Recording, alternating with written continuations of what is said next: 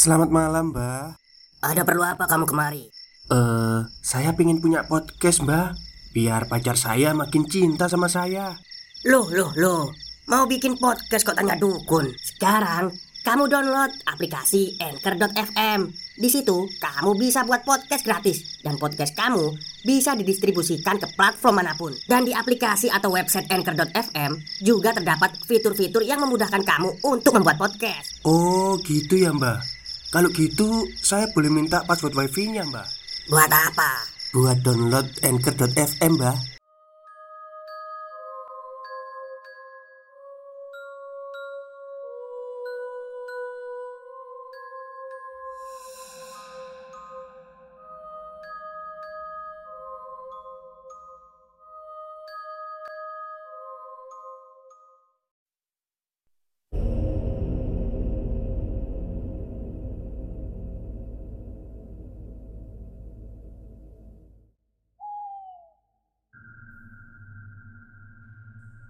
Assalamualaikum warahmatullahi wabarakatuh. Halo semuanya Jumpa lagi dengan saya Chow Sing Sing Kurator dari Podcast Horror Night Story. Halo, apa kabar semuanya? Semoga kalian semua sehat-sehat ya. Dan seperti biasanya pada malam hari ini saya kembali dan akan membawakan sebuah kisah mistis untuk kalian semua. Dan kisah mistis kali ini saya dapatkan dari Mas Alfarizi yang mengirimkan link websitenya yang mengulas tentang dunia gaib ke saya. Jadi, cerita di sini itu adalah salah satu yang ada di website itu tentang pesugihan gendong pocong. Seperti apa kisahnya? Mari kita simak. Legenda misteri yang saat ini pantau misteri rangkum bersumber dari daerah Banten. Di suatu pinggiran kota Banten, ada sebuah cerita tentang momok pesugihan gendong pocong. Bukan kemiskinan yang mengubah pola pikir pelaku, tapi pemilihan umum untuk duduk sebagai orang terdepan dalam urusan membela kepentingan rakyat. Rohimun, seorang tuan tanah karena warisan, menerima kesempatan salah satu partai politik. Namun, sejak kecil hingga kuliah, dia tidak pernah belajar ilmu pemerintahan, apalagi sosial dan politik. Ayahnya mengajarkan bisnis sejak Rohimun duduk di bangku SMA Tak terkecuali ilmu klinik untuk menangkal kerugian dan meraup banyak keuntungan. Rumahnya terkesan memiliki kekuatan mistis.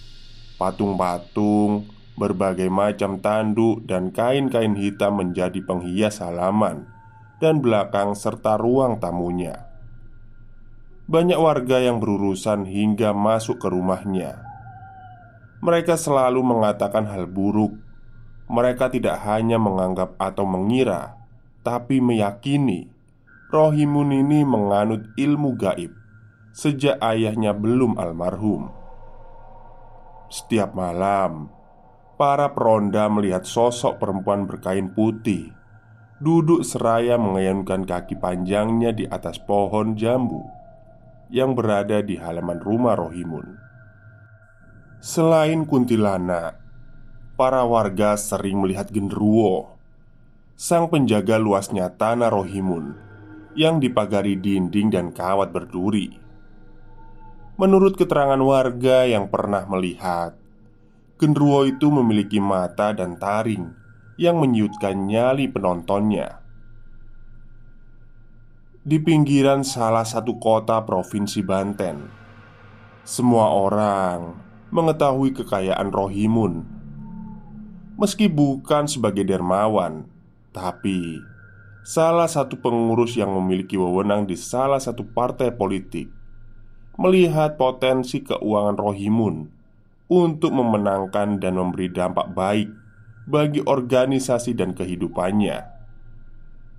Akhirnya Dibujuklah Rohimun untuk ikut dalam pertarungan perebutan kursi orang penting.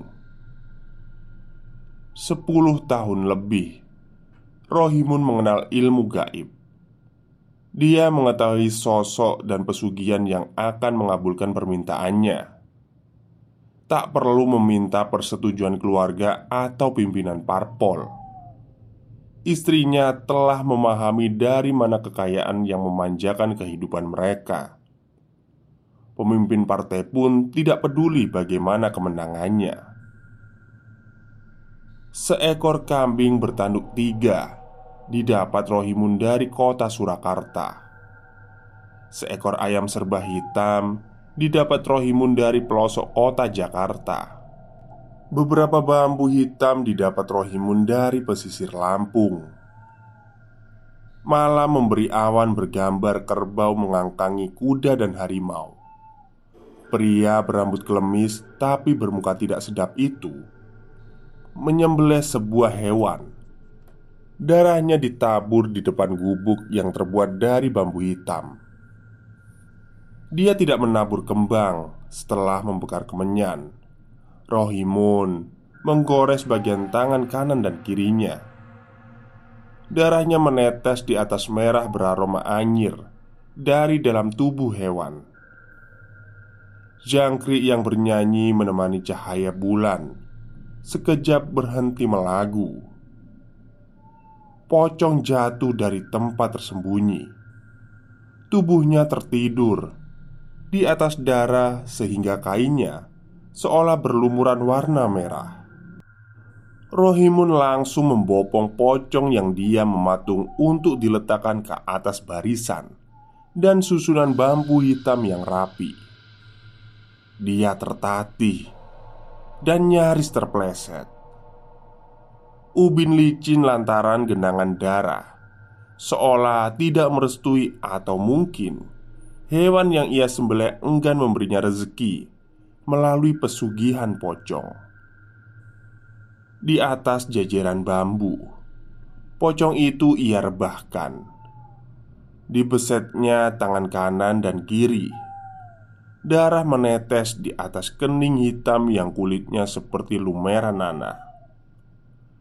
Betapa keinginan untuk menjadi orang penting dan sungguh ilmu perjanjian dengan setan telah menguasai dirinya. Tidak ada rasa jijik ketika ia mencium kulit sosok yang lebih pantas jika disandingkan dengan comberan berair hitam dan berbelatung. Dijilat-jilatnya darah yang telah tercampur dengan kulit beraroma tumpukan sampah itu. Seraya merentangkan tangan dia berjanji untuk memberi tumbal bayi dan para gadis remaja kepada sosok itu pada setiap hari Minggu dalam waktu satu bulan. Sungguh, tumbal yang tidak sebanding dengan nominal rupiah yang akan dia dapat sebagai anggota orang penting di negeri ini. Orang penting itu mungkin DPR ya.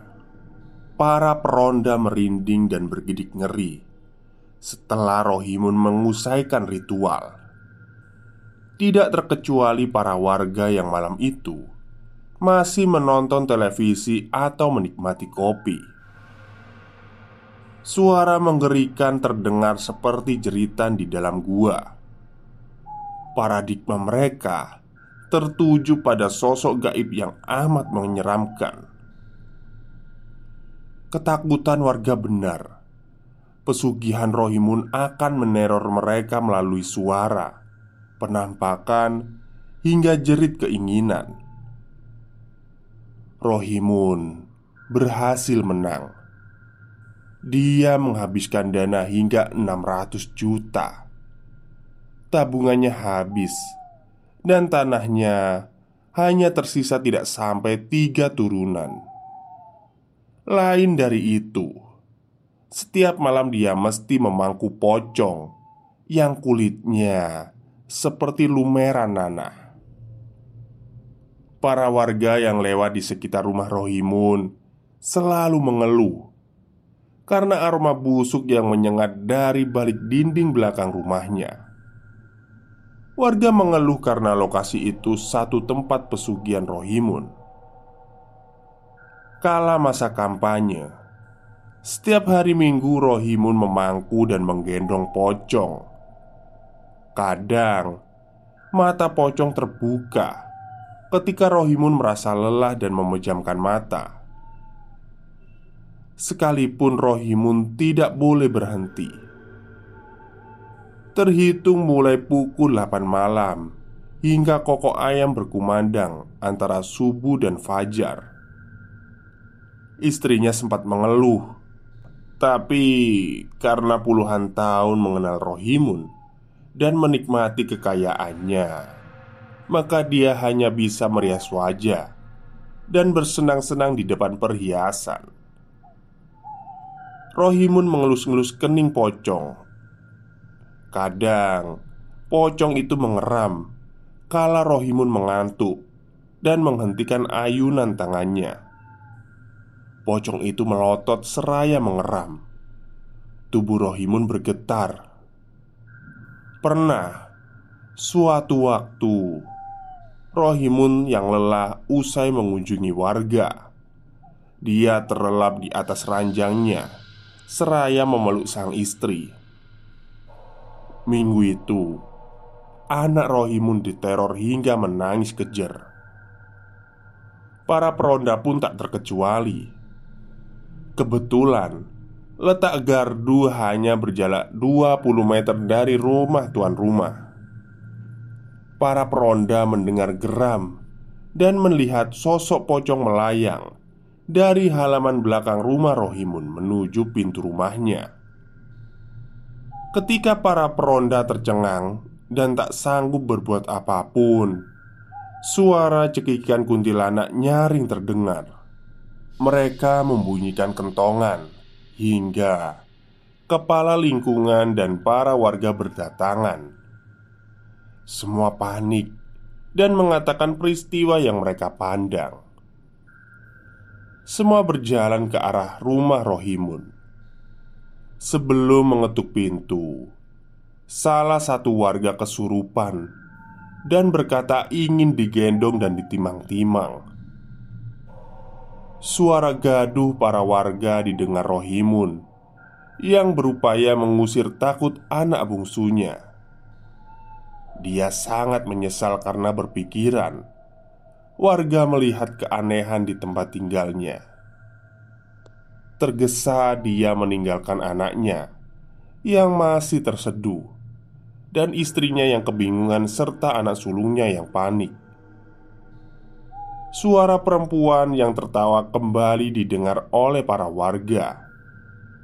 Salah satu warga Kembali menjerit karena melihat sosok pocong melayang Memasuki halaman rumah besar Rohimun Lelaki parubaya itu berhenti sesaat ketika ingin membuka gagang pintu. Dia mendengar pintu belakang rumahnya ada yang menggedor. Suaranya kencang hingga ayam-ayam riuh di dalam kandang. Tangis anak bungsunya terdengar hingga ke depan pintu. Dia berhasil mengibuli warga dia beralasan ada yang mengirim gangguan gaib hingga anak bungsunya pun menangis. Tapi ketika kepala lingkungan ingin mendatangkan orang pintar, dia beralasan sanggup mengatasi masalah tersebut karena memiliki saudara yang mengerti klinik. Stop, stop, kita break sebentar. Jadi, gimana? Kalian pengen punya podcast seperti saya? Jangan pakai dukun, pakai anchor, download sekarang juga gratis. Para warga berhamburan kembali datang ke rumah masing-masing. Para peronda masih bergidik ngeri karena malam itu terasa sangat sepi. Daun-daun mematung dan suara binatang malam Riuh di dalam kandang masing-masing rumah warga Rohimun segera berlari ke halaman belakang tanpa peduli tangis dan panik istrinya. Dia bersimpuh dan memohon kepada pocong yang berdiri di depan pintu gubuk. Terpaksa, dia kembali menyayat kedua tangan, lalu meneteskan darah di kening dan mulut hantu pesugihan itu. Oh, ini kayak metode pemanggilan hewannya Naruto ya. Kuchiyose itu kan harus pakai darah. Oke, lanjut. Sambil menggendong, lalu duduk dan memangku pocong. Dia menggoyangkan tangan seraya berbisik nyanyian Nina Bubuk di telinga pocong. Seperti bayi yang nyaman ketika ditimang-timang, tubuh pocong tidak lagi bergetar Suara kuntilanak pun berhenti tertawa. Malam-malam berikutnya, Rohimun enggan terlupa. Dia menolak kampanye melebihi pukul 4 sore. Apalagi ketika hari Minggu. Ketika pulang pasti dia tidak mandi, melainkan tidur karena malam mesti lembur. Hari yang dinanti Rohimun berubah dia menang, tapi tidak sempat menikmati harta kekayaan dan kewibawaan. Pada bulan pertama dan kedua, memberi tumbal, dia berhasil membeli bayi dan gadis remaja. Tapi karena belum resmi duduk di singgasananya, maka Rohimun kehabisan modal untuk membeli bayi. Dia ingin menggadaikan tanah tapi sertifikat rumah telah tergadai. Anak sulungnya jadi korban tumbal pesugihan. Ketika sang istri sedang arisan, ia mengendap masuk ke dalam kamar anak gadisnya. Sapu tangan yang telah dilumuri obat bius yang sebelum itu digunakan membunuh anak sekolah, kini dipakai menghabisi nyawa buah hatinya. Diseretnya gadis yang pingsan menuju gubuk Keringat di wajahnya tetap tidak mengubah betapa buruk parasnya Tergesa Rohimun membuka seluruh pakaian anak gadisnya Tak sekalipun dia menangis karena pikirannya Sangat khawatir jika istrinya pulang Sangat cepat Dia membelah dada menebas leher anaknya hingga nyaris putus. Rohimun menampung tiap darah yang mengucur hingga yang menetes. Selain mesti digendong dan dipangku, pocong sangat rakus meminum darah bayi dan gadis remaja. Menurut orang pintar yang pantau misteri temukan, pocong pesugihan sangat menikmati darah bayi atau gadis remaja karena kesegaran dan kemanisannya. Tapi dia menjelaskan kalau itu adalah salah satu tipu daya iblis menjermuskan manusia sehingga rela membunuh hanya demi kekayaan pribadi. Sekalipun tidak ada penyesalan dari Rohimun Istrinya yang menangis sehari semalam pun dibiarkan sendiri di atas ranjang. Bayangnya hanya tentang bagaimana mendapatkan bayi dan gadis.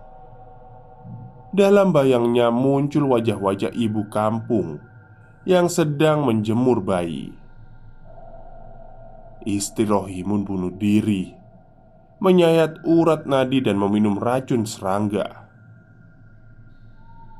Untuk mendapatkan bayi, Rohimun mengambil emas istrinya yang masih sangat sedih. Tak ada belas kasihan, meski para warga banyak yang bersimpati dan berempati. Justru dia menandai ke siapa ibu yang memiliki para bayi dan berusaha mencari orang suruhan yang berani menculik buah hati. Seorang ibu terbangun dari tidurnya karena sang bayi meminta susu. Rohimun masih di gubuknya, memangku pocong yang sering memperlihatkan mata merahnya yang seolah butuh darah. Satu hari lagi, waktu yang ditentukan.